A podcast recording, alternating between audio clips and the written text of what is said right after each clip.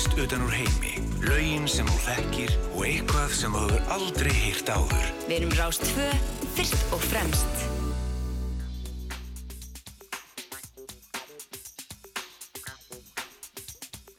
Já, komið sæl og blessuð. Þá leggjum við á stað í fram og tilbaka hér á Rástvö. Ég heiti Felix Bergsson og eins og alla lögadaga verð með ykkur fram til tíu frétta.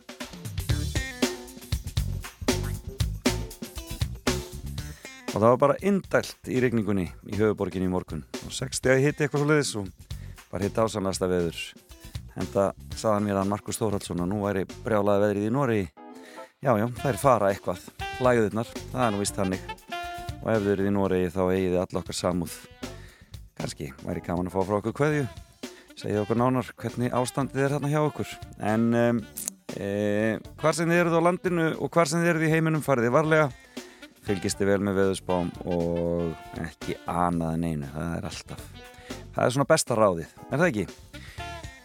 Hér í þessum þetta ætlum við að hafa það hugulegt, þannig að ef þið viljið ekki fara neitt og bara fá okkur kaffepollan og, og kveika kerti, þá er, er alveg tækifæri til þess. Við fáum góðan gest hér í fimmuna eftir smá stund það er ekki einan en lifuklúmaðurinn Herskái. Magnús Þór Jónsson formadur kennarasambands Íslands og hann ætlar að vera með skemmtilega fimmu sem ég hef aldrei fengið áður. Fimm viðurnefni. Það verður áhugavert að heyra hver fimm viðurnefni grunar að þetta sé nú tengt einhverjum. Einhverjum sjáartorpunum ykkur stöðar þar sem að menn eru uppnefndir í gríð og erga við séum heyrum betur af því hér og eftir. Og síðan eh, eftir nýju þá ætlum ég að ringja í unga og efnilega söngkonu sem að mér langar afskaplega mikið að hampa aðeins við ykkur Hún heitir Ástís Aþenna og er Magnúsdóttir og kemur frá Kvamstanga sem að heyri henni hér eftir nýju fréttinar. En svo er það lagdagsins. Ég er vanur því að eh, ég hef svona oftast nær verið að spila lag sem tengist þáttunum. E, árið er og árið er 1998 í dag og e, það verður spennandi þáttur. Margt sem maður kennir margra grasa hjá þeim félögum áskeri og Gulla eh, og þetta Siggu Toll líka sem er hérna með þeim. Já, Boga og öllu þessu fólki sem er í, er í þessum þáttum. En eh, ég fór svona aðeins að kíkja á þetta og mér sýnist að lag Look sem var frábært band í log tíunda áratugurins eh, þeirra frægasta lag hafi komið út á þessu ári 1998 það er lag sem heitir Losing Hand og ég hef ekki að leifa Söru Marti að syngja okkur inn í daginn? Hér eru lúk frá 1998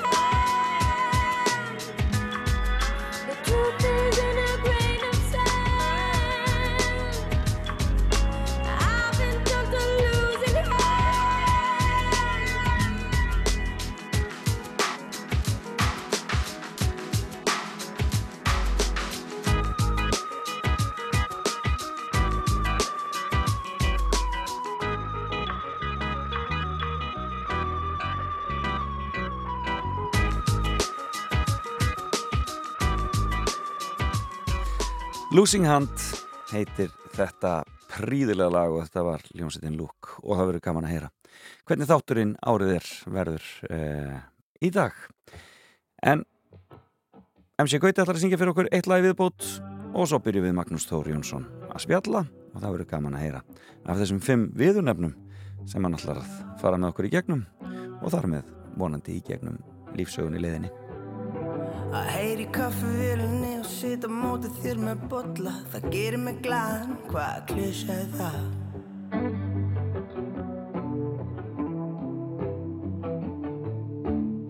Ég segi heimskulega hluti bara til að sjá þig brosa Það gerir mig glaðan, hvað klísja er það?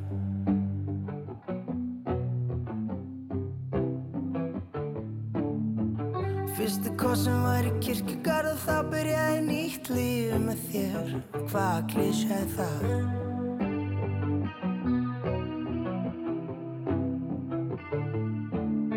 Og þegar hvað mennan heim vil ég liggja í kirkjugarðin um hliðin á þér Hvað klísja er það?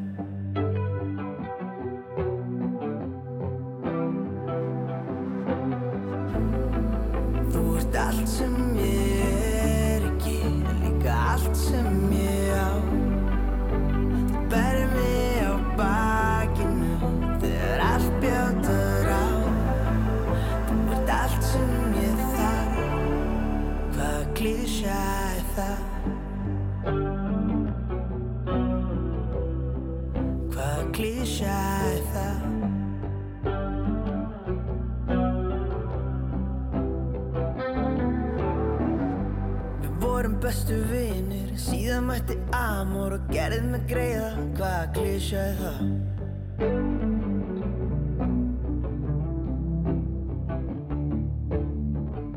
Ég reyna að lifi nú en en hugsa oft í framtíð og ég sé þar, hvaða klísja er það?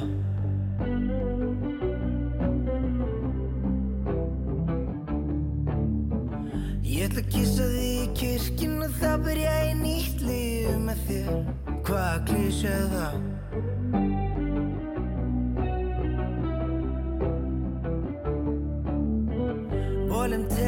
Te, ljubavi ne vidim nebo od tebe U sreću osme, kakav kliše je to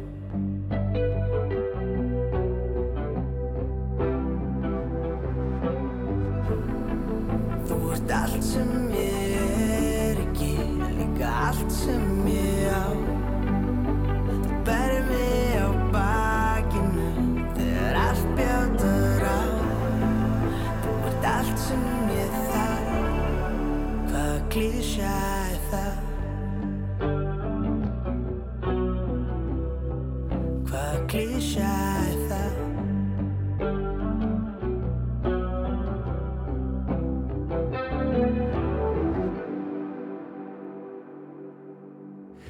Þannig ljómaði það, MC Gauti og Klesja. Og með það bjóðum við velkomin viðmannanda morgunsins. Magnús Þór Jónsson, formaði kennarasambands Íslands, verður velkomin. Takk fyrir það. E, Þú sagði mér nú, þú ætti nú einhver smá tengslið við MC Gauta þegar þú Já, verður lagið. ég hérna var að segja það, ég, ég rétt mista af, af Gauta þegi, hann var, var nefandi seljaskóla, þarna stuttu áður en að ég kom hann inn og hann er náttúrulega breyðlingur þó að sé eitthvað að fara að dara þetta við Vesturbæin og þá, þá náttúrulega eru alltaf á því að rótinni breyðaldi sko, þannig að flott að fá Gauta alltaf að kynna sín. Já, þú þekki bróður hans, Já, já, hann kendir honum þannig að, já, já, það enda allir í Vesturbænum Æ, það er lönglegu breyðaldi í Vesturbæin. Akkurat, já, við, við sjáum til Velkomin Takk fyrir það. Ég spyr alltaf viðmannandi mínu, ertu morgun maður? Já, ég hef alltaf verið það þannig Já. sko og því svona eftir því sem líður á árin þá hefur nú svona þetta, er- þetta er, já, ég myndi segja það ég bara Kannski erfitt fyrir kennar að vera ekki morgun maður. Já, sennilega sko, ég held að ég nú alltaf, ég alltaf verið frekar virkur ekki þurft mikið að sofa. Nei, Þannig ég segja stundum ég sé svona AB maður sko, ég fyrir sent að sofa og vakna stemma það, það er Það er svona þannig sem það er. Já. Þannig að já, ég hérna, já, ég myndi segja, segja það, ég er svona morgun Ekkert, hress. ekkert mál að fara, að fara að snemma á stað. Nei, nei, það er það ekki. Og ég hérna, svona, hef í gegnum tíðina þegar ég verið eitthvað að ræktast og svona þá er oft mótandi besti tíminn, það getur verið floknar þegar maður er með börn, ég er svona- aðeins þannig að rúlið því aftur, fara út að skokka mótnana það er alveg dásamlegt, komast að stað og hlaupa og Hlaupa og koma sólina að koma upp. Já, er- og gefa hafur- og gefa svo liðinu hafurgröð Já, já, og svo er, svo er ég líka hluti til alveg upp í sveit þar sem að þetta var náttúrulega bara, þar varstu yfirleitt bara mættur upp úr sjö í verkin sko. Nákvæmlega. Það er bara kannski líka það hvað maður vinnur sjá Akkurat, en þú ert breiðolsmaður en er, það hefur ekki verið alla tíð. Nei, eh, Ef ekki bara fara í skell okkur í þessa fimmuðina sem er Já. mjög sérstök. Fimm viðurnefni. Já eh, Hefur alltaf verið með eitthvað viðurnefni.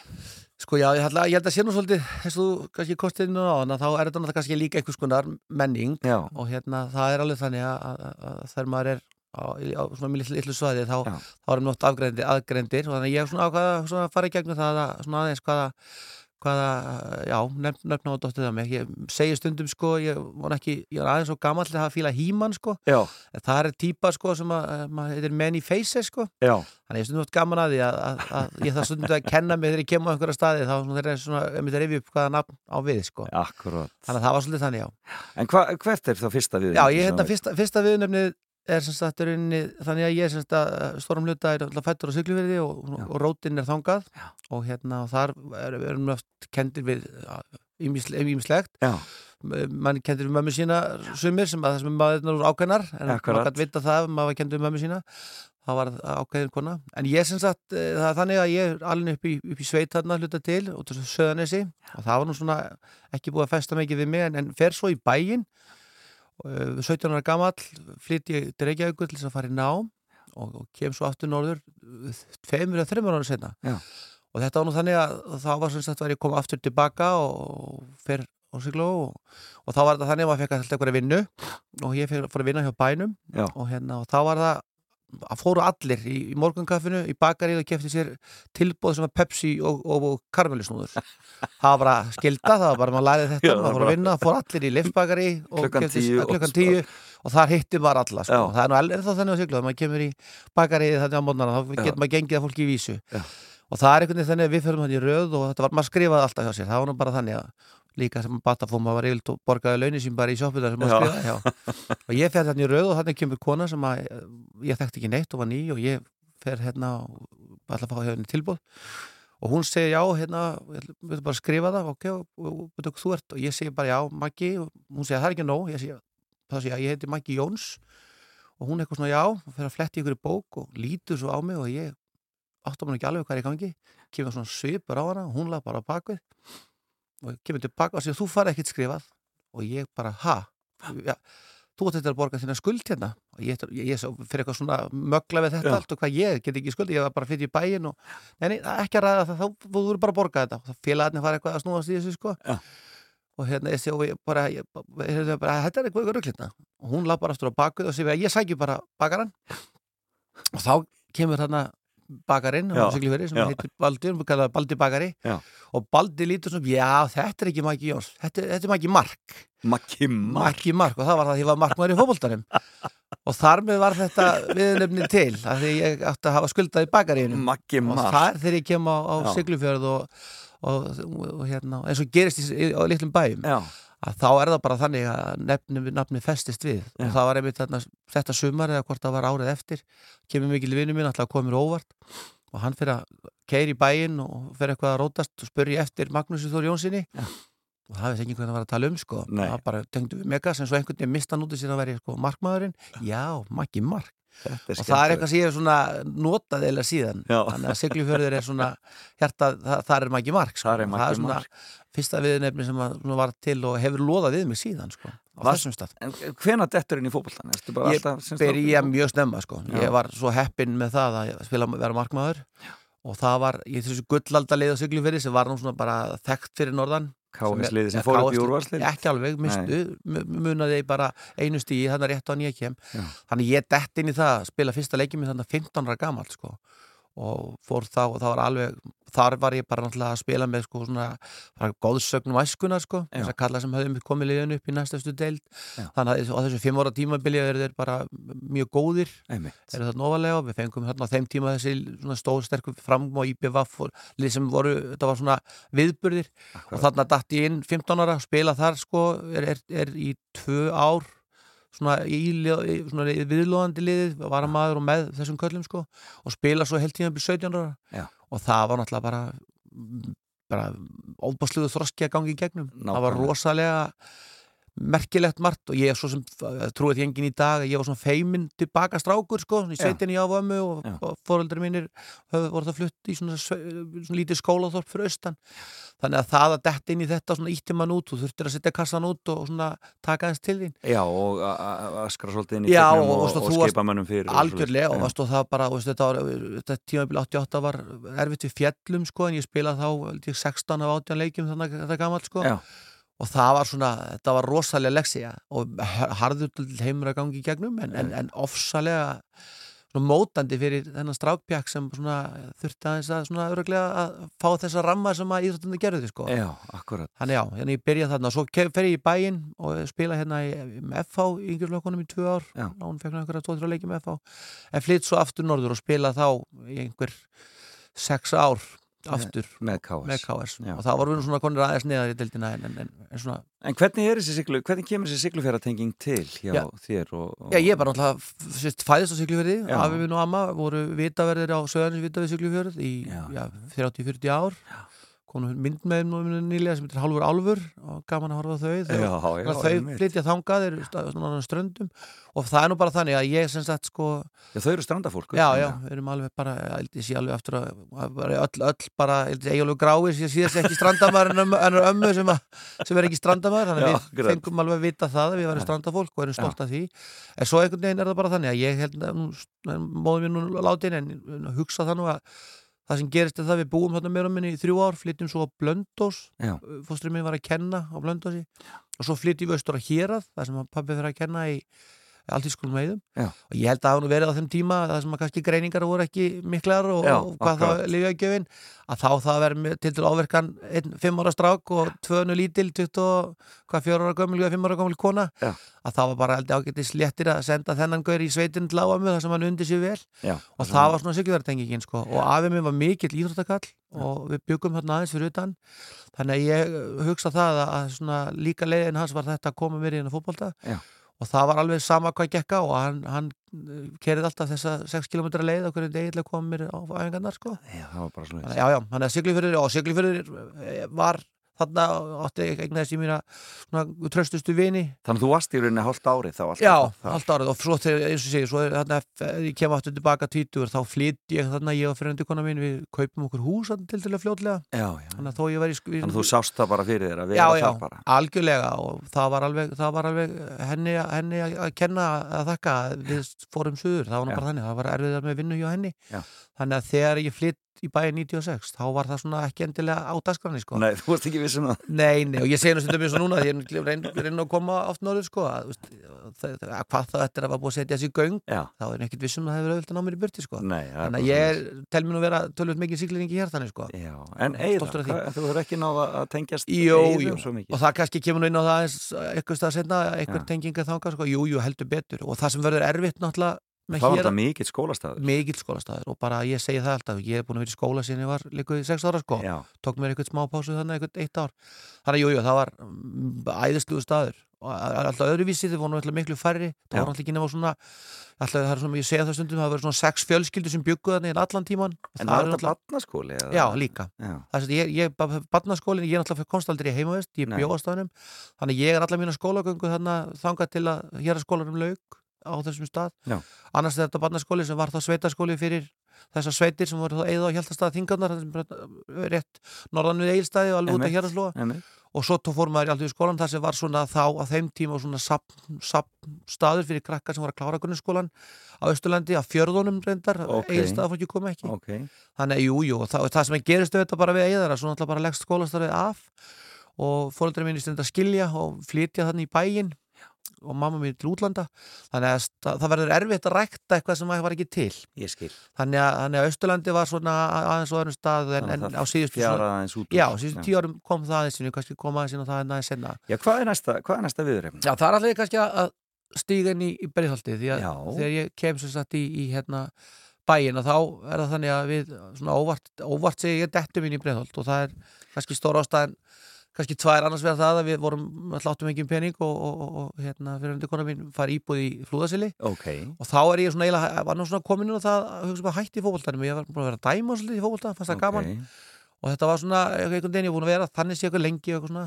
Þannig og þá er félagið minn að þjálfa hjá ír Já. og vantaði þá svona eitthvað gamlan lurk sem að var þá 25 ára þess að fara að vera svona bakka upp strák sem að var að Já. spila þá í er sem heitur Ólafur Gunnarsson var einn efnilegasti markmaður Einmitt. þannig ég dett inn í breiðholti og þar verður úr þessi þessi breiðholtstenging sem að hefur loð mér síðan og ég held að sé nú alveg klart mála með virðingu fyrir öllum tengingunum mínum þegar ég svona þegar ég leggst síðasta blöndin þá hugsaði nú að breiðholtið verður nú það sem að flestir muna eftir mig fyrir Já, og þar sem þetta er ég, eh, fyrstur er nú að kenna upp á Kjalanesi og svo er ég ráðinn hérna í, skóla uh, við Breiðholtskóla og það var náttúrulega bara aftur annars vegar hafa dottið inn við þessum góðsögnum í fótboltanum og þá detti ég inn í skóla sem að var rútineraður, alltaf búin að vera var einn af fyrstu skólunum í Breiðholti og þarna var mikið af fólki sem að hafði verið uh, endalust að Akkúrat, kenna þarna, já. Bernharður Linnet hérna djaskækjari fyrir minn einmitt. og Íslands mestarar í íslensku og ennsku kjenslu þannig konur, Hildur og Helga og Sigrún svona, góðsagnir í bregðaltinu Akkurat. og þegar ég svona dettað inn þú veist, þá var nú svona stundum kannski það held ég að við erum ágættur að þau líka að fá eitt svona sem að hafði skoðanir sko og ég var aldrei vissum hvað ég ætlaði að fara að kenna sko ég Nei. var alltaf að leiðin í að ég var íþróttasálfræði, var hérna þjálfar svolítið Einmitt. draumin um að vera þjálfari og ég hérna, eftir einn vetur hérna í bregðaldinu sem að gengið svo má ímsu það var, já, vorum að taka á alls konar málum að þá ákvæði að ráða með, með Kristjani vinnu mínu Norður Akureyri að fara bara að Já, ok. okay. í dönsku kjensli Ótturaskóla og að fara að fara að þjálfa á Þór og þá svona í kallaklúpi sem að ég var í sem að hétt veiðifélag Kristjánfræðikennari í Breiðaskóla Já. Þá vorum við svona, lítið veiðar en meira svona skemmtilega Já. ferðalög. Og minna um Kristjánsræði gerir Já, er, það, það var notað til þess að fá sumabústað með ódýrum, ódýrum hætti. Þá settist bóndin á það að Kristi Fræði kennar myndi nú vera góð, góður já, og þá var ég króaður af, af, af um, svona, mínum svona mentorum í þessu mörguleiti Ragnari og Jóhannesi og svona þeir króa mig og skipa mér það. Ég get fara fara eitthvað norður. Þetta, þetta liggir það vel fyrir mér og ég er bara að fara að gera þetta og ég var náttúrulega viss um það en svo ringdi Ragnar í mig og þá tilkynnta mér það sko að það væri verið að búa til nýja stöðu í, svona kjærasamningum sem hétt að vera deildarstjóri.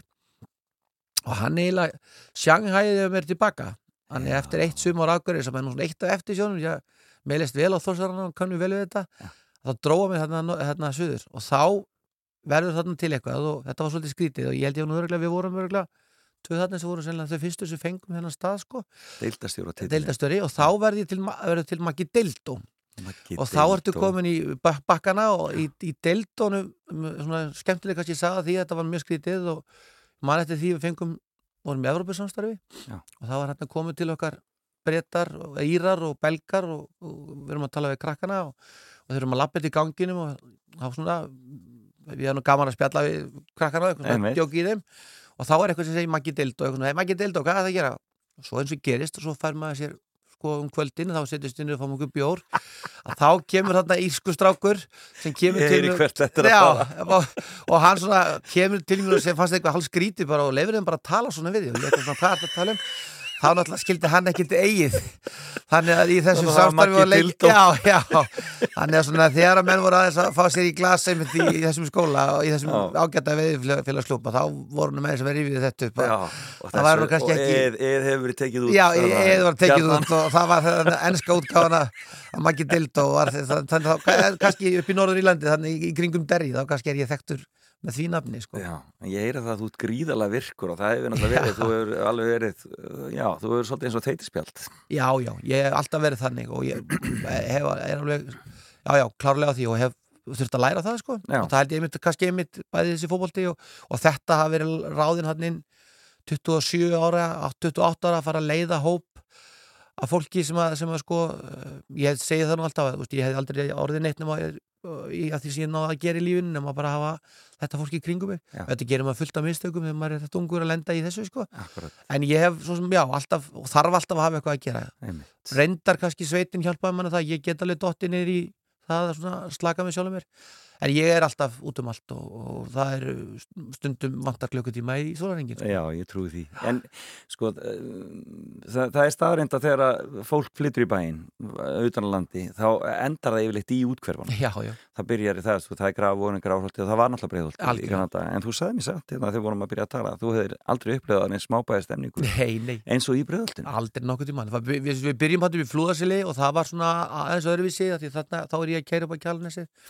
í og það þá er svo er ég að spila í ír og við flytjum nýri í bakka Já.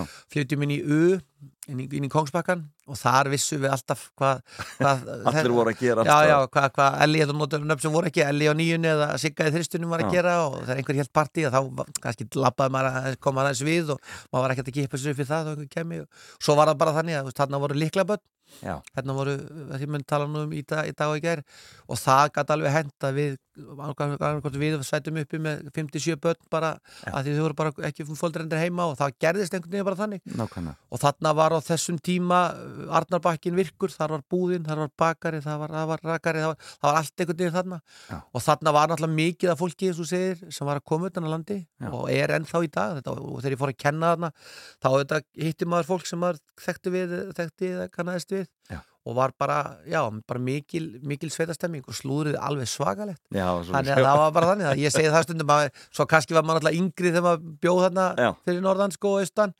En þú veist, þetta var, þetta var klárlega bara sveitabær og er svolítið ennþá, ég er alltaf fluttur aftur þetta nýrittir í stekkina og það er alveg gaman að það er nágranna, hérna, nágranna varslan og allt á fullir ferð. Já, þannig, að- að að ég held alltaf satt að breiðholtið er svona stóri sveitabærin á landinu og ég stend alveg fa- fast við þá. Núna erum við náttúrulega í breiðholtinni ennþá með þetta trend, nú er þetta náttúrulega erlenda fólkið. Já, náttúrulega langstæsti hlutvall í borginni. Ég segir ekki fellaskóla þessi orðið fleiri Jú, af jú, jú. erlendu Ég- er en- komið yfir 90% hlutalli fellaskóla. Það er bara svo leiðis og ég ég held að ég bæði breiðholt og hólabjörgu skóla það séu komin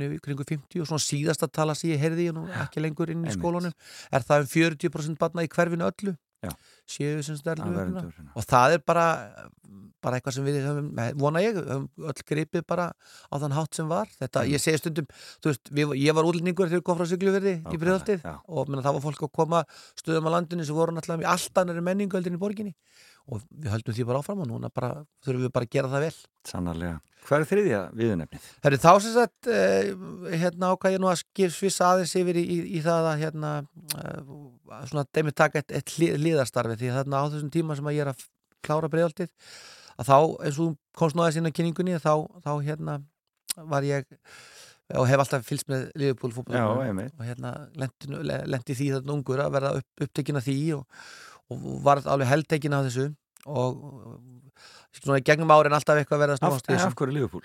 Herðu, ég, svona það sem ég held að verið, það var einmitt að þeir bjóðast náðustur á eðum að þá, þá hérna, var þarna einn á, sveitinni sem að, eða í bænum segi sem að, sem að átti lítasjóvarp og ég held að það var annarkvort Europúsleikurinn 77 og 78 þar sem að ég fór að horfa hjá honum, við áttum bara svarkvitt og þá er þarna lið í alröðum búningi og. KS og Siglufirði var allir í alröðum búningi.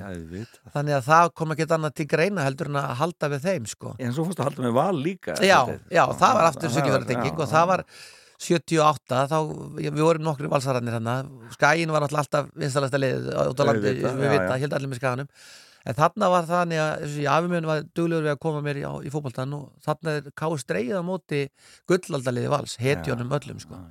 Og þeir mæta þarna og ég, ég, þetta er fyrsta fótboltaminningi mín og ég man bara góðar glefsur úr þessum leik. Að hérna markmaðurinn okkar var í vítisrendegi og svona þess að við erum ekki nema sjöra og þetta voru bara góðsagnir, þeir mættu í bæin í jakkaföldunum og löpuð um og, og þetta var svona hátíða stemming sem að satt fast í, já, já, já, voru bara á þessum stað sko. ég var alveg að rappa við á síðan svona eitthvað sem ég kynntist þarna sko. Það var svona Káis stóð í þeim sko. Það var þannig Káis í þriðudeld og náttúrulega bara kallanir í, í hérna bæjavinnunni og bændunir á akkurat, sko. já, já. þannig að við urðum hérna nokkru valsarar vorum bara, vorum bara nokkuð harðir valsarar ég hérna, fyrst er ég flytt í bæin þá var ég mjög duglegur að mæta á, valsleiki sko. Svo tóku ég er yfir. já, þegar ég flytt í bæin og þá eh, var ég klárlega parturinn í hjartanum sko. Já. Já, en en, þetta- hvað með Liverpool? Já, þess að og þá, þannig erum við á þessum tíma, veist, ég hafði verið áskrifandi einhverjum blöðum og ég var lág á BBC og lappaði þetta nýra á höfn til að hlusta á leiki svona, við bílnum og svona sko að þá eru þarna ungir menn að opna, opna við vorum nýbúin að opna vefsíðu sem heitir kopp.is og ég svona, það var svona aðtúasenda kerfi ég ég var virkur í aðtúasendum á kopp.is Já. Og þeir auglýsa það einhvern tímann hvort einhvern langar til að skrifa og þannig er ég og, og, og, og einhverna mín um, Helga Lind sem ég, ég skildi og við erum, erum á leiðin út á land og ég hef verið að hafa eitthvað að gera út á landi, ég veit ekki alveg hvað er að fara að gera hellisandi og hérna sækjum þetta starf hjá þeim 2006 eða 7 eða hann verið fyrstskipti. Og var ráðinn hérna fyrst sem penni Já. og verð þarna algjörlega ofirkur og fæ út fyrir, fyrir allan minn nördisma fyrir Já. að skoða tækni og skoða taktík og eitthvað svona. Já. Og hef sem sagt uh, fljótlega upp úr því þá, þá förum við að, að snúast í svona einhverju þróun og endum á því að, að fara að gera podcast. Já, og erum nú, voru fyrsta íþróttapodcastið og svona með þeim fyrstu þau eru 2011 eða eitthvað sem við byrjum. Já. Og þá sem sagt eh, verður þetta fljótlega til þetta Maggi á koppundurins Maggi og Kopp. Og það er svona eitthvað sem, að, sem ég er allir gaman af ennþá að hérna, þó ég sé ykkur í skóla og ykkur í uh, formesku þá hef ég svona dögaði því. Já, og á svona mitt uppáhaldsmoment í að, að þessu, þessu æmyndiri mín á koppundurins þá var ég statur östur á bræðslu og hérna var búin að vera á tónleikum og þar var ég með sem sagt, eh, og þegar maður er búin á tónleikum á bræðslinu og þegar maður borðar alveg hræðilega vondan hambúrgar ég og Helga Lini vinni akkurat. Og já að segja hans ég vondur því hann, hann er steldur þannig. Já, og þá sem sagt stendi þannig í röð með Magna félag mínum og Brekkubæ áskilsinni og, og Múkisson og Jónas í sig og við erum að býða í hambúrgarröðinni það kemur hérna bara fenguleg kona og segir hérna já, er, ertu til ég að koma að tala við mannin minn, hann langar svo að hitta þig. Og ég er náttúrulega bara að býða minn í röð. Ja. Og svo pikkar hún í bækið á mér sér, ertu þú hérna ekki gaurinn sem verður alltaf að mánutum og röðum Liverpool? Og ég, þetta á koppundurins ég, jú, viltu koma að tala við hann, hann vill, eitthvað, vil ekki tala við þig og ég er búin að hlusta svo mikið á þig þú verður bara að koma að tala við manni mín Já. það fyrir eitthvað aggressív. Þannig að ég lappaði þarna þessi strákar. Viljið þið kaupa fyrir mig hambúrgara Já, að akkurat. Magni og Jónas og Múkisson sáum að kaupa það. fyrir mig borgara því að ég þurfti að fara að tala um koppundurins sko, að þannig að það er nú ennþá viðnefni sem ég hugsa að margir myndu nú tengja við mig já, sko. akkurat. Það er ótrúlega stór og litrikur heimur þessi heimur aðdáanda enskara knaspindil hann er það og í rauninni alveg kjánalegu sko. Já, og svo við, við höfum náttúrulega verið að fara undanfærin ár höfum við verið að fara ferðir Til Liverpool til Liverpool, sem ferður svona einu sinni tvistar ári og það er opáslega gaman vegna sem við svona, þetta datt inn flóruna að, að nú minka þessu, þessar ferðir sem hafa verið að fara með farastjóra en félagi okkar uh, ítt okkur svolítið að staði þessu og mér finnst alltaf svo, það er svo gaman að, að fara hérna út með fólki sem hefur ekki sko farið áður. Nei, akkurat. Og þetta er, er mjög svo mikil upplifun. Já, það er svo mikil upplifun. Ég er alltaf búin að flakka þarna nokkuð oft og mikill, mikill lífum maður og líka bara með borginu, borginu það er ofsalega gaman og það er svo gaman að þeim er hlust á sögur og þetta er oft fólk skilur mér sem er komið eldri en við og er að segja manni, þú veist, einhverja svona, einhverja svona sögur sem var miklu flokknari við vorum einmitt einhver svona BBC kalla sko Já. að fara þarna út og upplifa þetta. Það er náttúrulega alveg, alveg magnað Dásanlegt algjörlega. Tökum okkur smá pásu. Fáum Pálma. Þetta er lagið um Þorpara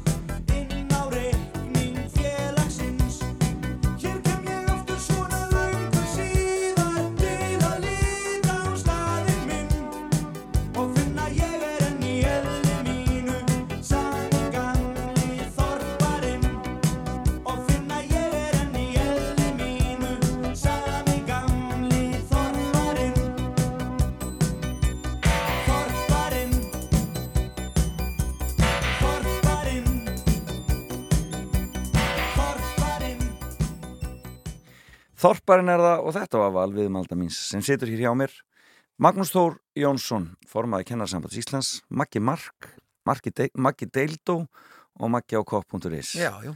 En við hefum tvö viðunefni eftir Já, já. og hvert er það fjórða? Já, það, það sem sagt, þá sem sagt var það þannig að 2006 að þá er hérna ákveði ég og kona mín Helga að, að aðeins að skella skó hún er norrfyrringur sem Ok. þóttu nú pínu, skrítið þegar hérastöpurinn var farin að hitta ykkur á norrfyrringa því að það var fólk sem var doldið lokað af sko Já, en við Helga við vorum búin að hugsa okkur þá áttum þá stelpu, litla stelpu, tveikjára og vorum svona þú veist, okkur langaði, vorum til dæla nýbyrju að vera saman og langaði svona aðeins að gefa okkur meiri tíma bara fyrir hvort annað og uh, höfðum alltaf svona haft einhverja aspirasjónir um að fara út á land. Já. vorum alveg búin að skoða ykkur og þannig var ég búin að sækjum tvær skólastöðastöður í Reykjavík og fekk þar ekki. Mhm, og alltaf en það bara frekar ungur og tiltölu reynslu lítill þannig að það var góð kona sem að um, kendi með föðu mín og blönda þessu yngun benti mér það. Það verður kannski klokkt að líti kringus út á land og Já. læra þá, sjá þá hvert mann litist á það. Ok. Og það verður úr að við sagt, skoðum nú Nesköpstað sem að var, var náttúrulega hennar heimabið það var laus staða þar. En þannig, já, tvær stelpur með fyrir konunni minni og þetta var náttúrulega ansið langt að fara. Að að fara allavega þangað og við vorum náttúrulega í góðu sambandi við þær alltaf og bara um alltaf verið og þá kom Blöndós sem var náttúrulega æskustæðurinn og það er þannig að það, það var erfitt hjá Blöndósíkonum að finna húsnæði, ég var náttúrulega búin að tala við þá sko. Og þá allt í hennu sjáum við þarna stöðu í einhverju nýjum skóla í Snæfellsbæ. Já, já. og kona mín er sem sagt framhalskólakennari og það var ekkit einfalt einmitt á þessu blöndósi að finna eitthvað starf sem maður myndi henda Já. þannig að úrverður að, að, að ég keiri þarna vestur á Snæfisnes og sæki þarna um þessa stöðu og þarna hafði ég einu sinni komið á Snæfisnes til að spila fótballtaleik, Já. aldrei komið á áður fyrir eða síðar. Og hún held ég einu sinni sem með túristgætið eitthvað. Já, og þarna dettu við inn á, á það að fara í þetta samfélag á Snæfisnesi sem var algjörlega guðdómlegt og ætluðu nú bara að stoppa stutt. Svo var þarna hrun sem þýtti það að, við sem vorum ekki að leiðin tilbaka og leið mjög vel. Og þá þetta kemur aftur í svona eitthvað lítið sveita, sveita svona og það var einmitt mjög gaman að, að það var eh, svona verið eitthvað að snúast hvað það er og svo er þarna þorrablót.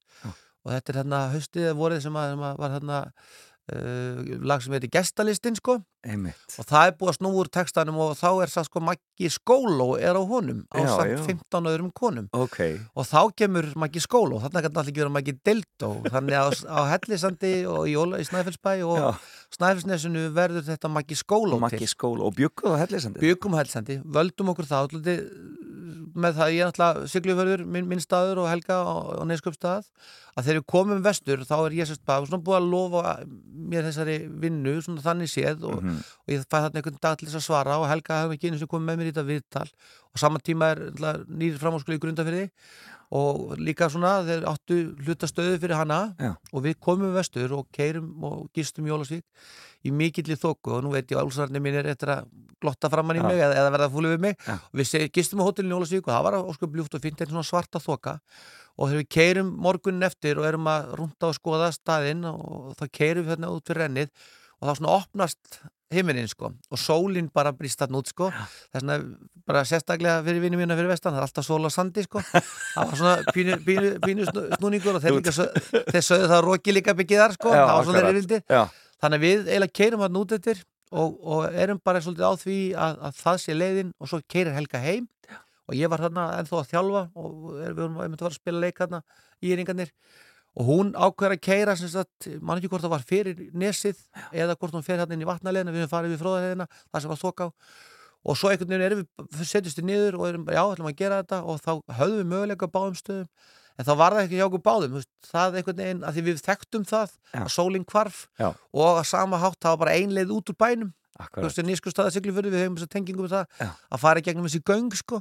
þannig að fyrir helgu var það að geta verið sko, að fara á þrjá staði að, þú værir ekki svona innilokaður Akkurat og við höfum aldrei pælt í þessu en við förum bara að pæla í þessu bara, einmitt þegar fólk verður að spyrja okkur að þessu vegna þess að þetta er þetta svona minna þorp hellisandur, heldur en, Ólasvík Akkurat. Eh, En það var eitthvað við víóttuna og það, var að geta bara eitthvað farið það, geta, bara geta það. komist burt Já, og áttum frábæra tíma byggum á Hellisandi nýja ára, það er alveg það sama kannski. Þið voru að þið nýju nýju ár, já, og kaup, kaupum okkur hús til dælan búin að eiga það í ykkur fjögur ár.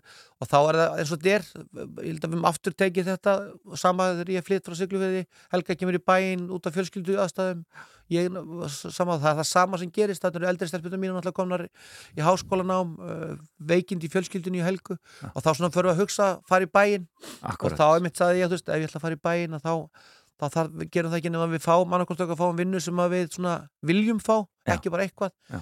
og þá þarna var einhverjum ég, ég raunin bara vikum eftir tökum þessu ákverðinu svona að fara að hugsa í bæinn þá hann að losnar, kemur losnar skólastörastar sem ég var mjög spenntu fyrir við selja skóla, það er alltaf langað aftur í Breiðholt, það var bara minn staður og, og Helga fjælst á það að við færum og myndum, ef þetta myndi ganga upp og ég fengi þessa stöðu við getum fengið húsnaði í Breiðholtinu þá Akkurat. væri það staðan.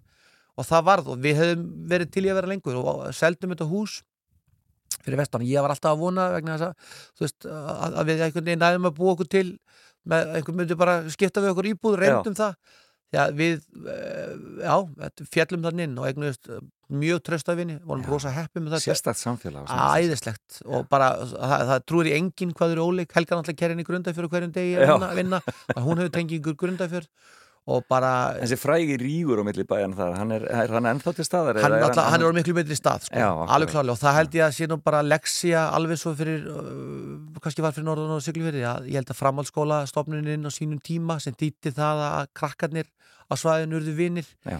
Þú veist, stelpan mín flyttur til okkar þessi elsta, býr þarna hjá okkur og hennar bestu vinkonur er úr stykki selm og grundafyrði og ég helli sandu þetta líka. Já. þannig að þú veist að hún var, þú veist, ég var að sækja hann í partí og alla þessa staði, sko, að þú veist þessi krakkar, þau, þau gáttu ekki fara að halda við, einhvern rík Nei. en hann er, á, á okkar aldri og eldir er hann ja, sannlega til staðar og byrtist alveg ennþá. Var svona orðið góðlega fannst mér og ég, við notum þetta, þarna, það var alveg það var alveg, ég passa mig alltaf á því annarslæðið að setja þetta inn og, og, og alltaf sóla sandi sko, þannig að það er klárlega, klárlega ríkur á myndli en, en, en, en mér fannst og þetta var mjög gaman að ég fann alltaf það verkefni pínlítið að, leiða sa, saminningu skóla. Já.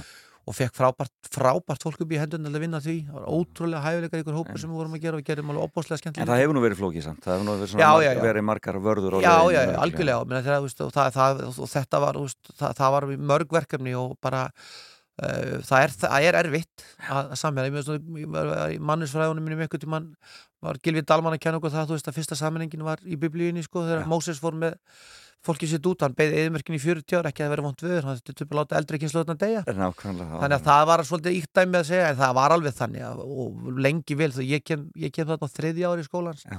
og þá var ennþá fólk sárt yfir því að þessar stofnanir sem voru náttúrulega grunnskóli Ólasvíkur, grunnskóli Hellisands og svo Lísólaskóli sem eru þessi saminuðu skólar það eru lagðir niður, þú veist Já, og það var svona þannig og, Já, já. og vegalegt og það er eins og verður nú oft í þessum umræðum að rútan, rútu, keisla var erfið og þetta var svona þungt en svo bara að ég segi, það var bara þannig að hópurinn var ótrúlega jákvæður Og tók þetta tók bara. þetta bara að sér og við gerðum þetta, ég ætla bara að lega mér að segja það, ótrúlega vel, ótrúlega stoltur þau fengum mentavölunni fyrra fyrir verkefni sem við lögðum í sem var svona aðeins að íta við stoltinu þegar því að búa þarna. Og meina við flytjum við hellisand það er náttúrulega, þú veist, frá þeim tíma veist, það var, maður fór upp í sjoppuna til drífi og viðas á þessi pulsu. Já. og yfir sjumantíma var Hotel Edda sko, að Hotel Hellisandur sko. Í það er mér í dag að fara hana núna þú veist, það vartu bara með, þú veist, bara heimsklasa veitingastæði frábæra gistingu og fullt að gera alls konar afþreyingu sem er alltaf að bætast í. Þannig að það var frábærlega gaman að vera í því. Ég datt þannig Í í, svona í þeim suðu potti. Algjörlega. Og ég ákvaða að fara aðeins og sögulum, hætti svona aðeins að vera eins mikið í fótboltanum, komur reyndar inn í það. Ég gekk bara í Lionsklubin og Helga fór að vinna þarna í svona þverfagli og þannig við fengum að vera með í verkefnum, þú veist, ég gróf þarna frá vasshellinum skildurum með, með Lionsköllunum og við vorum að byggum til þarna svona áttaga verkefni í samfélaginu. Það var samt að það var rosa gaman.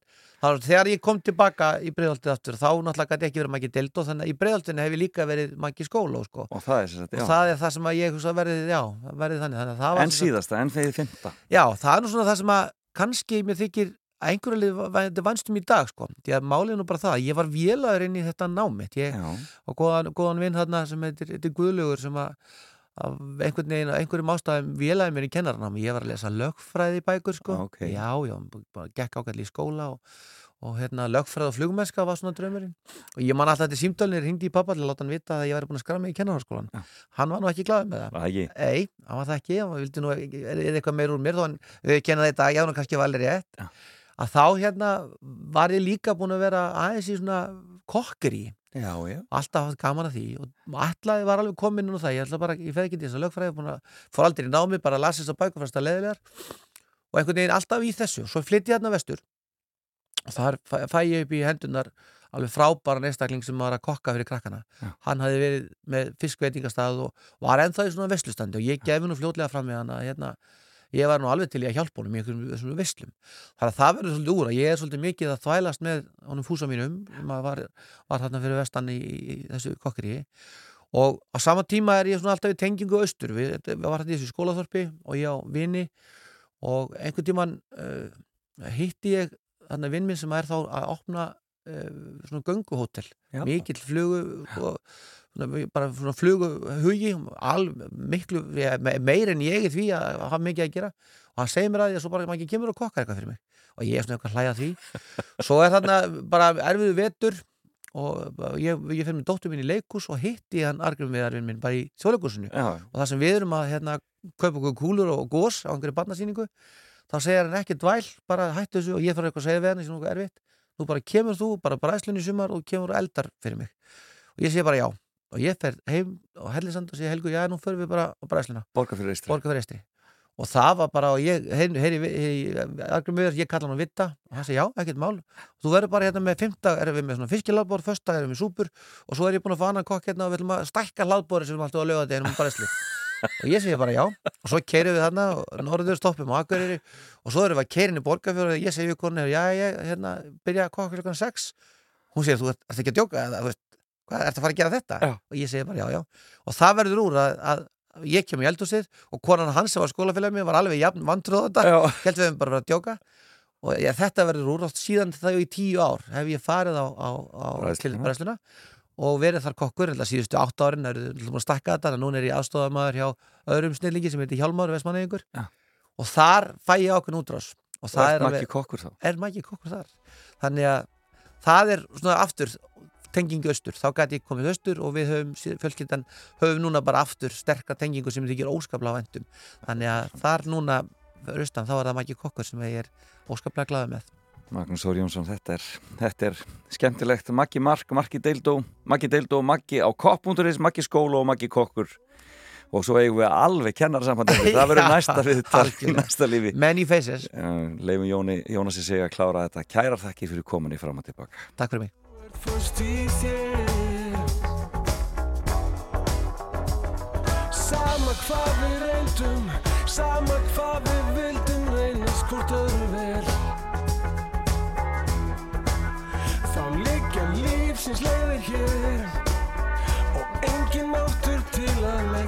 Annan veg en þennan hér Þennan endalösa veg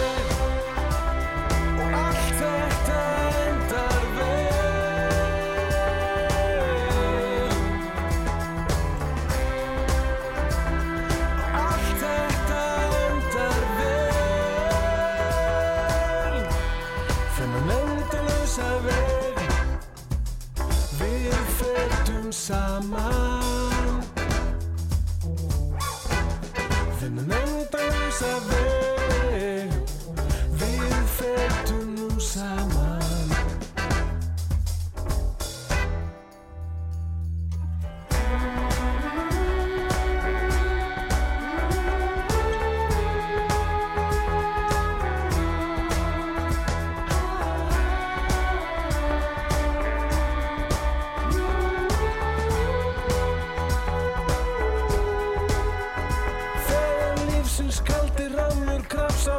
í þig og kvíðin læsir huga þér.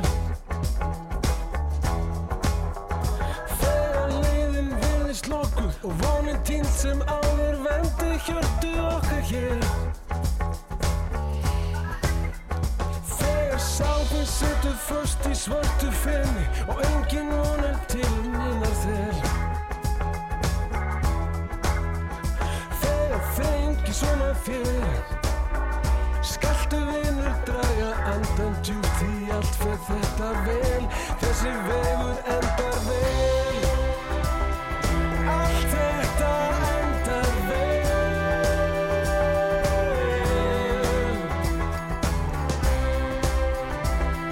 Allt þetta endar vel.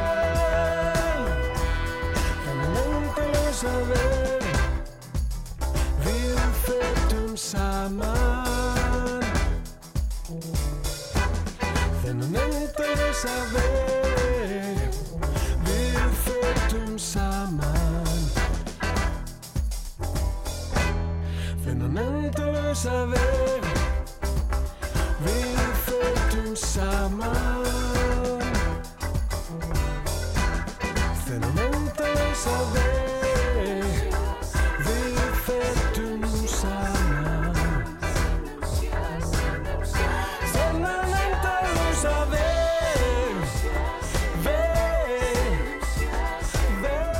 Þetta er Jónas Sig, þessi endalöysi vegur endar vel og þetta var lag sem að Magnús Þór Jónsson formaði kennarasambandsins valdi og við heyrðum af fimm viðunöfnum hjá honum. Það líður af nýju fréttum og svo höldum við áfram í fram og tilbaka og ætlum að ringja í eh, efnilega söngkonu hér og eftir. Meirum það eftir nýju fréttir.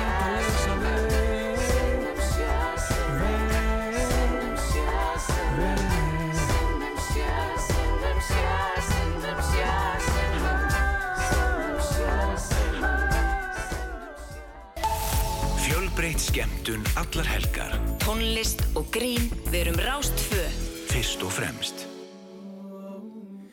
Þá höldum við áfram í fram og tilbaka og Páll Óskar byrjar þetta hjá okkur. Er ekki lögadagur? Þá syngjum við allt fyrir ástina.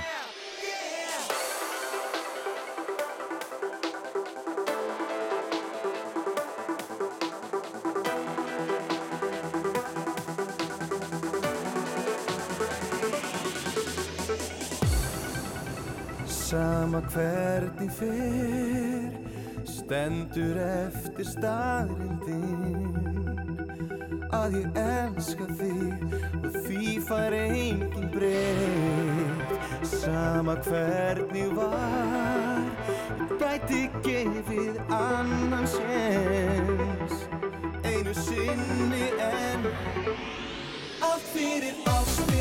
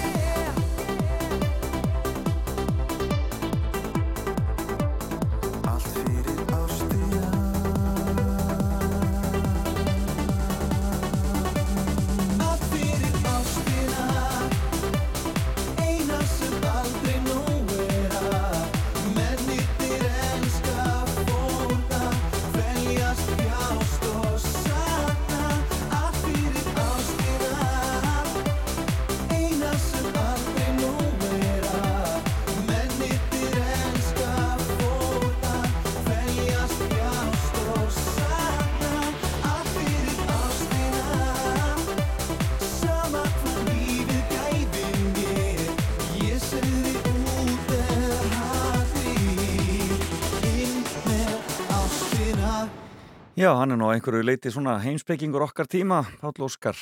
Allt fyrir ástina syngur hann þarna og gerir svo vel eins og alltaf. Já, eru að hlusta þáttinn fram og tilbaka og ég heiti Felix Bergsson búið að gaman með, vera með ykkur hér þennan fyrstu klukkutíma og með frábærum viðmælata mínum Magnúsi Þór Jónssoni formann í kennarsambands Íslands mistuðu að spjallinu þá getið þið náði hér á öllum uh, vefmiðlum á rúf.is og uh, hlaðvarpsveitum eftir að þættinu líkur en hann hafði fyrir á miklu að segja og talaði hratt og mikið.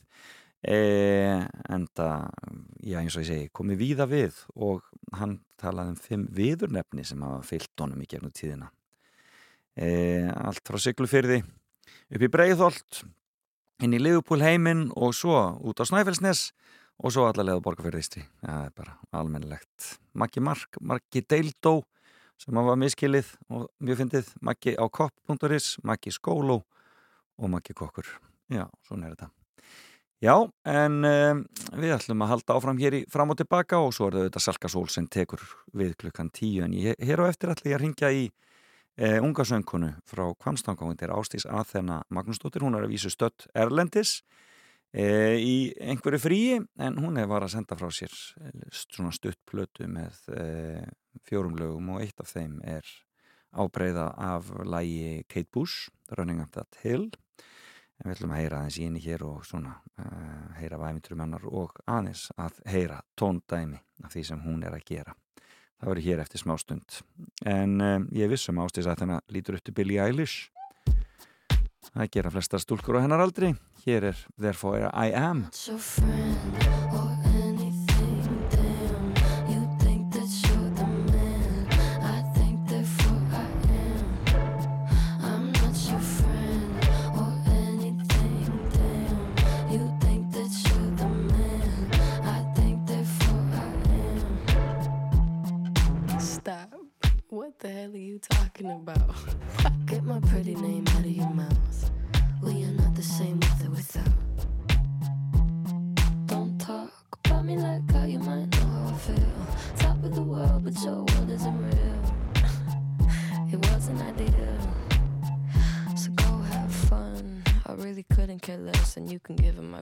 just know. I'm not your friend oh,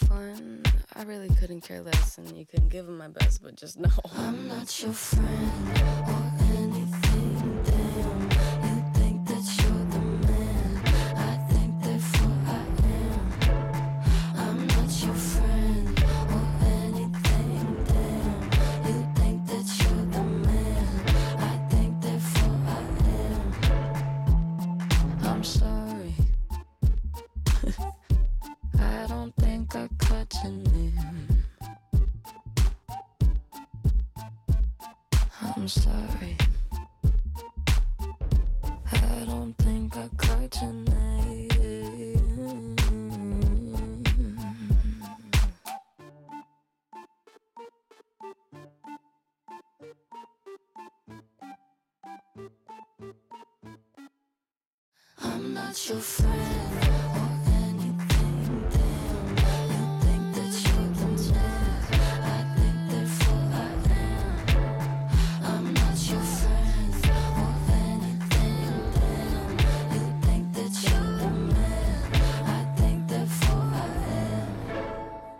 ert að hlusta á Fram og Tilbaka á Rástvöð.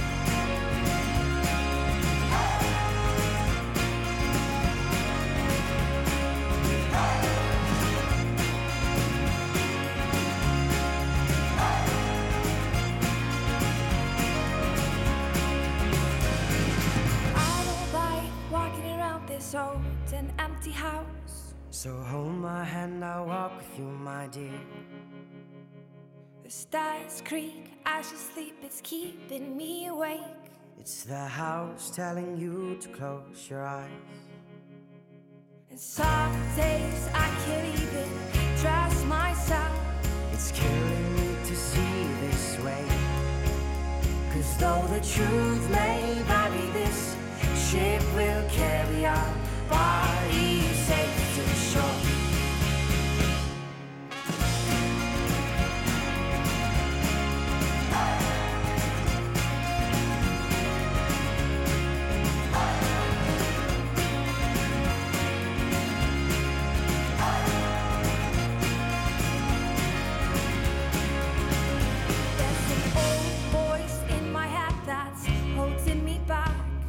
Well, tell her that I miss our little talks. Soon it will be over and buried with our past. We used to play outside when we were young and full of life and full of love. Some days I don't know if I am wrong or right. Your mind is playing tricks on me, my dear. Cause though the truth may vary, this ship will carry our bodies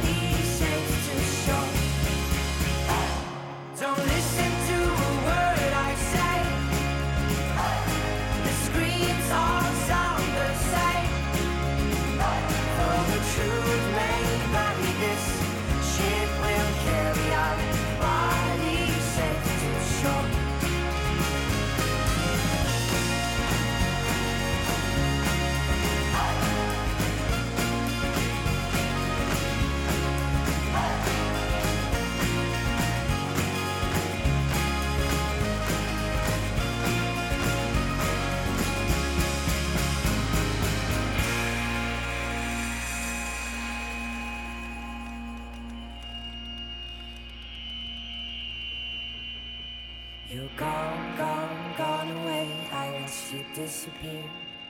All that's left is a ghost of you. Now we're torn, torn, torn apart. There's nothing we can do. Just let me go. We'll meet again soon. Now wait, wait, wait for me.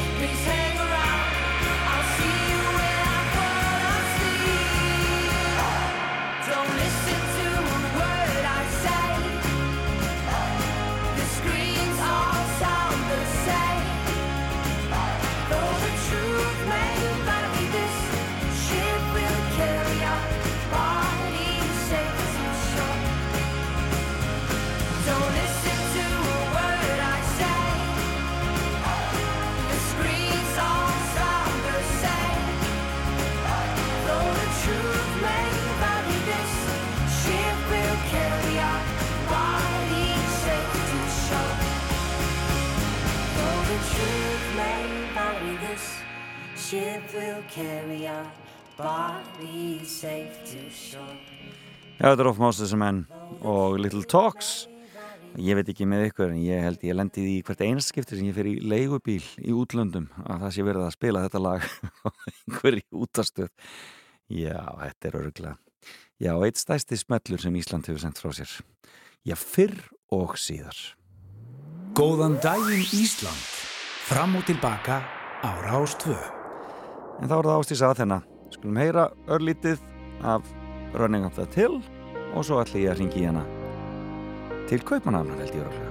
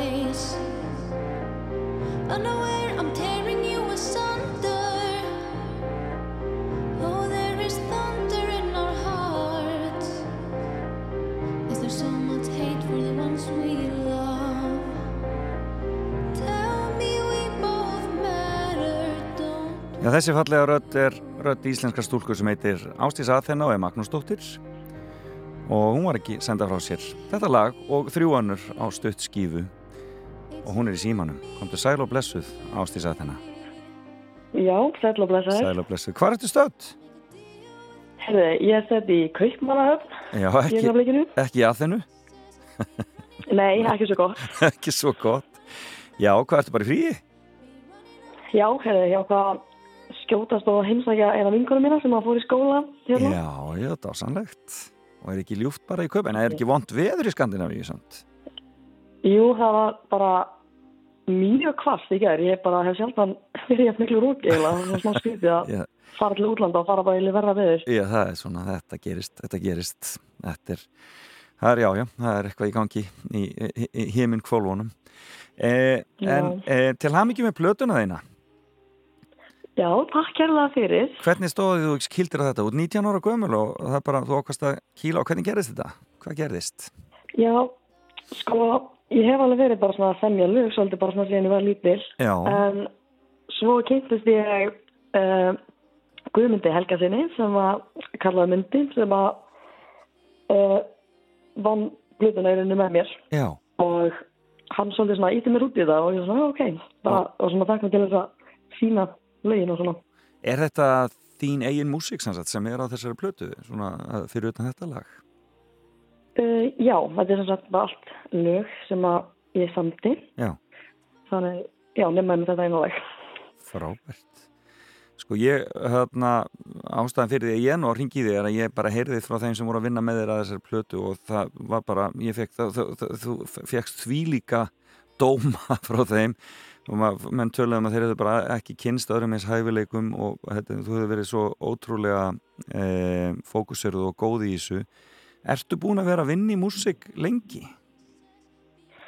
Um, Hefði var þetta var rosa rósa Já, já. bara, já, ég er bara róðna hérna þetta Nei, en hérna um, Já, mér finnst ég svolítið bara hafa verið að vinna eitthvað í músík síðan ég var bara mjög lítil af því að ég man að eftir að hafa bara við einhver lög, æði á píano mjög lengi Ok. og ég man eftir að hafa bara við nýbyrja að æfa kannski að fimm ára og svo bara, mamma, ég var að semja lag Já, og þá samtur bara lag, byrjar að semja lög strax á, á píanóið. Já, Skemmtilegt. mér fannst það alltaf bara mjög skemmtilegt En söngurinn, hvernig kemur hann inn? Bara þá strax? Ég, já, eiginlega, ég svona, ég æfði ekkert söng fyrir en ég var bara orðin eldri í rauninni og þú veist, þannig að það kom svolítið bara svona þegar ég var bara að byrja að tala og fór ég bara að syngja líka og fannst það alltaf mjög gaman og já, það var bara mjög gaman að allir í tónlist og gaman að geta svona, já, ég veit ekki alveg, tjóð mig veginn í gegnum það. Frábært. Ertu, ertu frá Kvamstanga eða ertu, hefur alltaf búið þar? Já, ég hef alltaf búið þar. Þangað til bara, ég fór um, fluttirinn til Reykjavíkur fyrir þrejum árum og fór í framhaldsskóla Já. og uh, bý í rauninni á vetunar í Reykjavík, en ég segja í bókamstaka. Já. Fer, fer norður á sömurinn. Hvaða skóla, Já. hvaða skóla fórstu í? Heiði, ég fór í Vestló og útskrifaði þar í vor Já. og fór svo í HÍ í haust. Í hvað? Heiði, ég fór að læra stjórnmálafæði. Korki verðinni minna. Já, ekki kannski alveg tengið tónlistin ekki mikið en. Nei, en allar í, allar í pólitík, allar að vera syngjandi pólitíkus. Já, ég held að sé nú ekki mikið til á þeim, þannig kannski maður hendur sér bara í það. Já, já Inga Sæland, hún hefur nú verið að að eitthvað, að- eitthvað Já, að, þarna, það að, að koma fram. Það er Ég skemmtilegt. þarf að taka það til fyrirmyndar heldur bara. Nákvæmlega. En varstu eitthvað að syngja í Vestló þá? Varstu eitthvað að taka þátt í, í nefndamótum og eru slíku þar? Nei, ég gerði mér lítið af því. Ég tók svolítið svona tímabælegin meðan ég verið framhaldsskóla sem ég vildi helst ekki fóra sér að vera svo stressu fyrir að koma fram og eitthvað og svo kom COVID að vinni þetta og eitthvað þannig Ég að skilji, já. ég kom rosa lítið fram einhvern veginn á meðan ég var í framhaldsskóla og svo svona ég að pína mig út í það eftir núna til dæmis bara með að gera þessa plötu og svona. Akkurat. En þú reyndir þig við uh, raumuruleika þátt líka í sjónvarpinu, sá ég. Eitthvað staðar í einhverju viðtali. Já, Já, það er rétt. Já, var það, var það ædolið eða? Já, Já. ég fór í ædolið í fyrir haust. Já. Það gekk ekkert mjög vel. Nei. En það var svolítið bara að passa þessu að reyna að koma, reyna Akkurat. að koma fram og liða vel með það. Þannig Akkurat. að það var samt alveg bara góð reynsla og uh, ég sé ekkert eftir því þó hafa þetta ekki gengið neitt rosa vel. Skil þig. Það er stundum þannig, það er ekki alltaf á, á allt kosið. En hvað er, hver er framtíðin í samtöðu tónlistinni þína? Nú er þessi plata komin breyka part, allar eitthvað að reyna að fylgja henni eftir eða Já, verður maður ekki að gera það? ekki. Ég held það. ég vona það alveg, ég fái, vona að ég fái tækifæri til þess. Og halda kannski einhverja tónleika fyrir norðan, við skustu svoleiðis? Já, maður líður að henda í það. Algjörlega, Fyrst maður farið að finna skaman að koma fram aftur. nákvæmlega. Við skulum heyra titilagið, breyka part og ég segi bara gangi er vel áfram og bara haldu áfram að, að, að gera músík fyrir okkur. Já, bara takk kærlega fyrir spjallið. Kæra þakkir, gaman að heyri þér. Já, Bless, bless. sumulegis. Bless. Já, hér er Ástísa þennan og breyka part. Don't wanna see you, but missing you every day. To look at you now, so much to see. I wish I could deny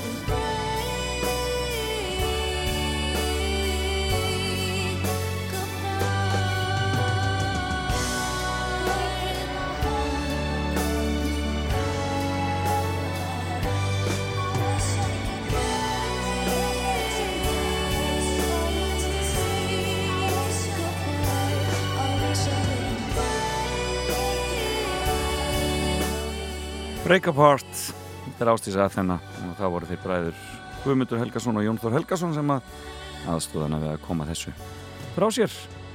Frábært, alltaf gaman að heyra af ungu og efnilegu listafólki sem kemur allstaðar að af landinu.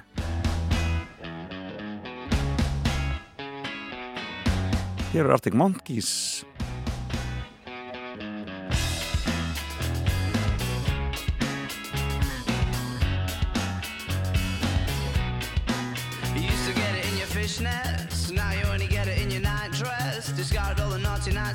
niceness, landed in a very common crisis. Everything's in order in a black hole. Nothing seems to pity is the past though. That bloody memory's like an El Tabasco. Remember when you used to be a rascal? Oh, the boys are slag.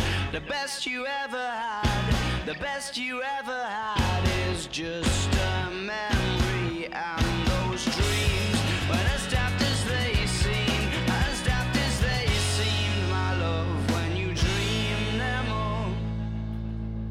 Flicking through a little book of sex tips. Remember when the bars were all electric? And now when she told she's gonna get it, I'm guessing that she'd rather just forget it. Clinging to not getting sentimental.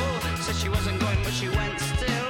Like a gentleman to be gentle. Was it a mechadabra or a betting pencil? Oh, the boys are slag. The best you ever had. The best you ever had is just a.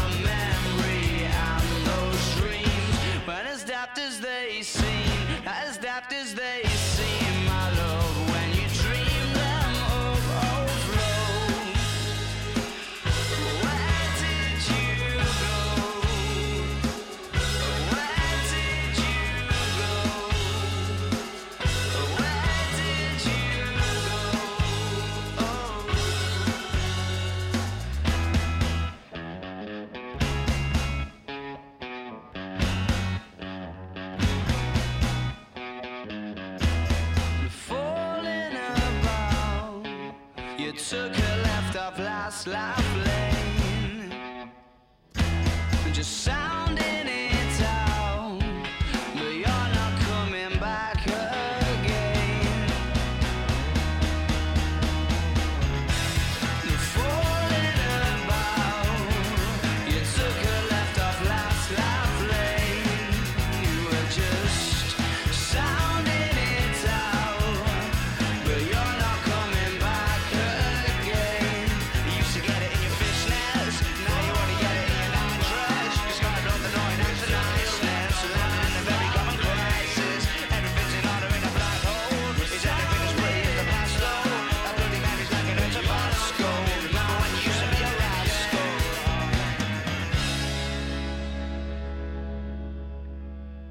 Samotillbarna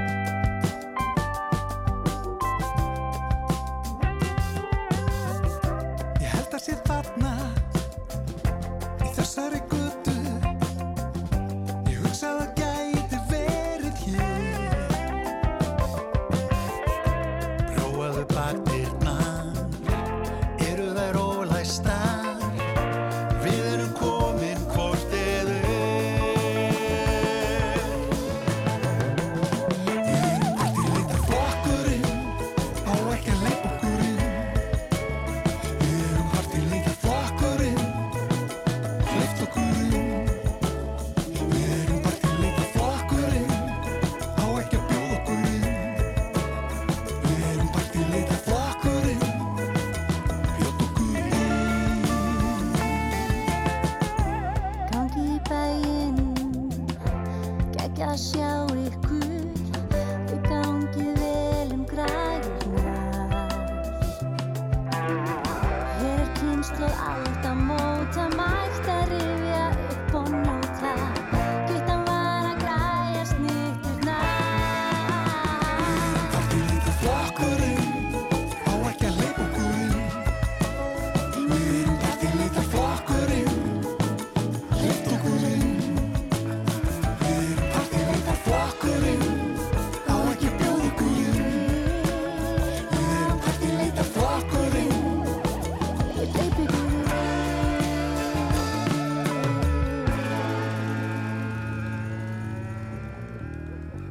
Partileitaflokkurinn var það.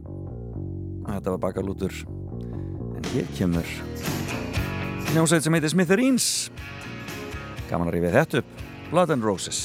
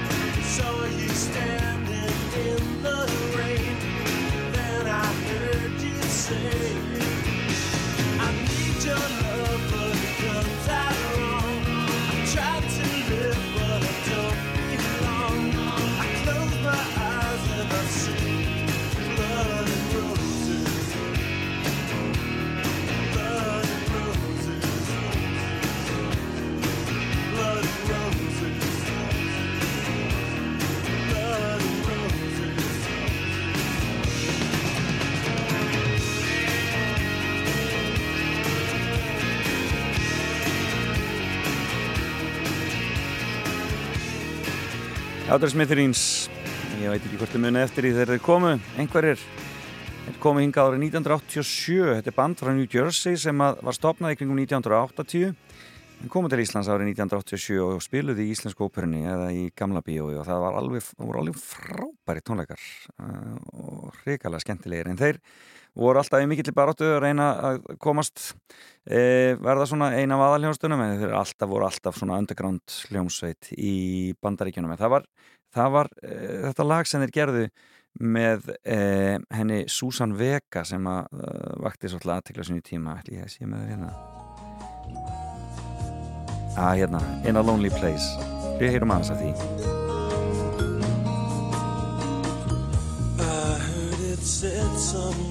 that one day all good things come to an end. I turn around to see you. If I do or not, it all depends. I was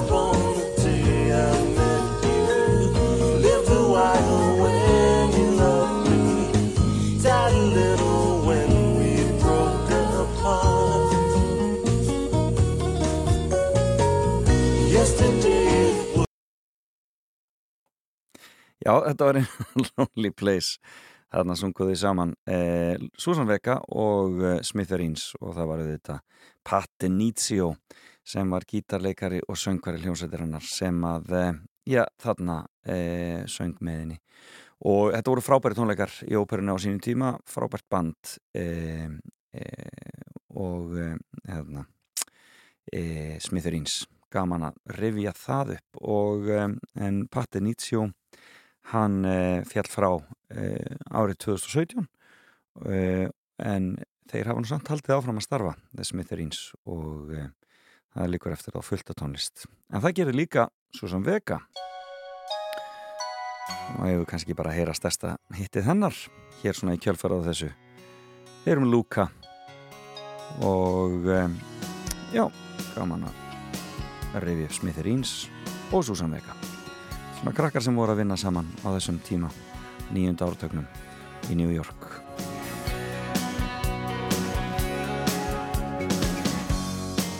My name is Luca. I live on the second floor. I live upstairs from you. Yes, I think you've seen me before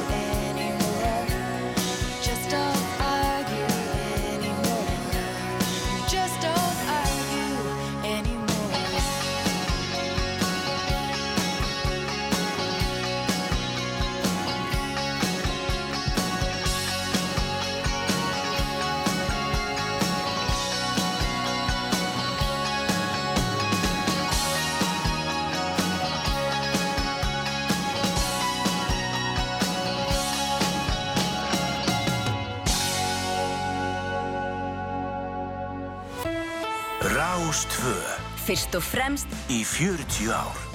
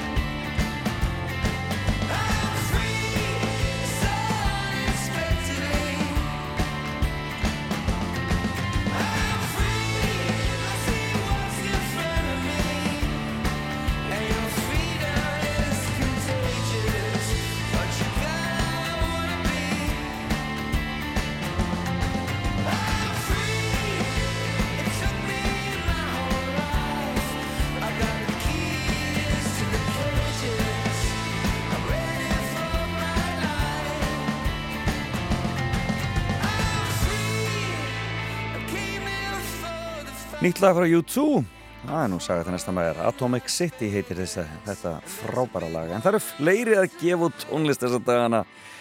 Og þeir sem hlustuðu á Fuzz í gerkvöldi heyrðu mikið Rolling Stones þar og það sem meira var af frábær frétt í kvöldfréttum frá honum Áskýri Tómasinni um nýja plötu frá Rolling Stones og e, það e, er ekki oft sem ég spila óskarlög en það var maður sem skrifaði mér og spurði fyrst ég var að spila Smitherins og tala um samstarfir við Susan Vega. Af hverju spilaði ég ekki Stones og talaði um samstarfira við Lady Gaga?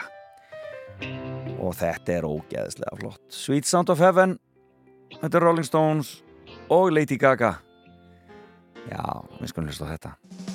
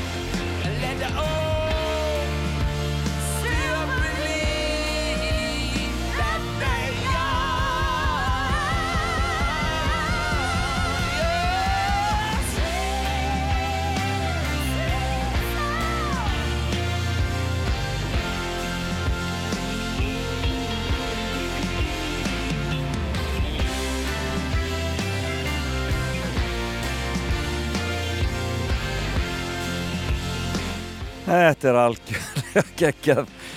En áttræði eh, Mick Jagger þarna með stórkostleiri söngkonu sem heitir Lady Gaga. Það eru 43 ára aldursmunur á þeim hún er 37 ára gömul. Og þetta er Sweet Sounds of Heaven af plötunni Hackney Diamonds sem að Rolling Stones voru að senda frá sér. Þetta er algjörlega geggjað stöf það bara verður ekki annað sagt. Alveg ríkala flott. Já, þetta er vel gert frábært og um, ég held að þetta eftir að heyrast mikið á næstunni. Þetta er að vera búið hjá mér í dag. Ég þakka frábærum viðmælundum mínum í dag, Magnús Þór Jónsson sem gengur undir viðindefnum Maggi Mark, Maggi Deildó, Maggi á kopp.is, Maggi Skólo og Maggi Kokkur.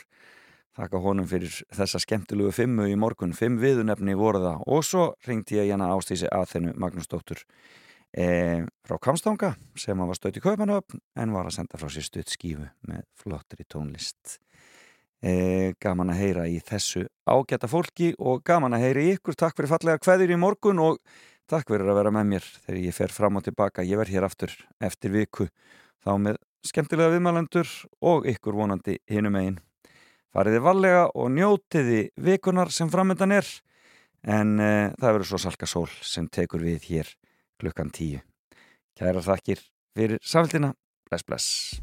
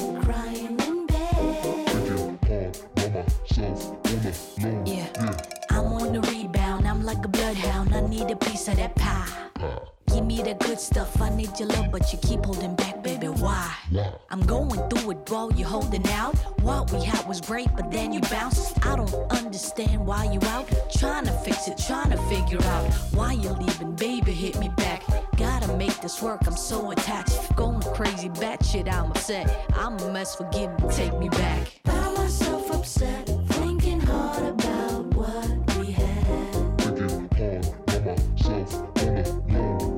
Money you have gone, left me all alone, crying in bed. I had planned to do things that I wanted to, and all of them included you. Cause I was invested, but then you rejected me, thinking of things I could do. In the shopping mall, I wanted more. What about let me think, whoa,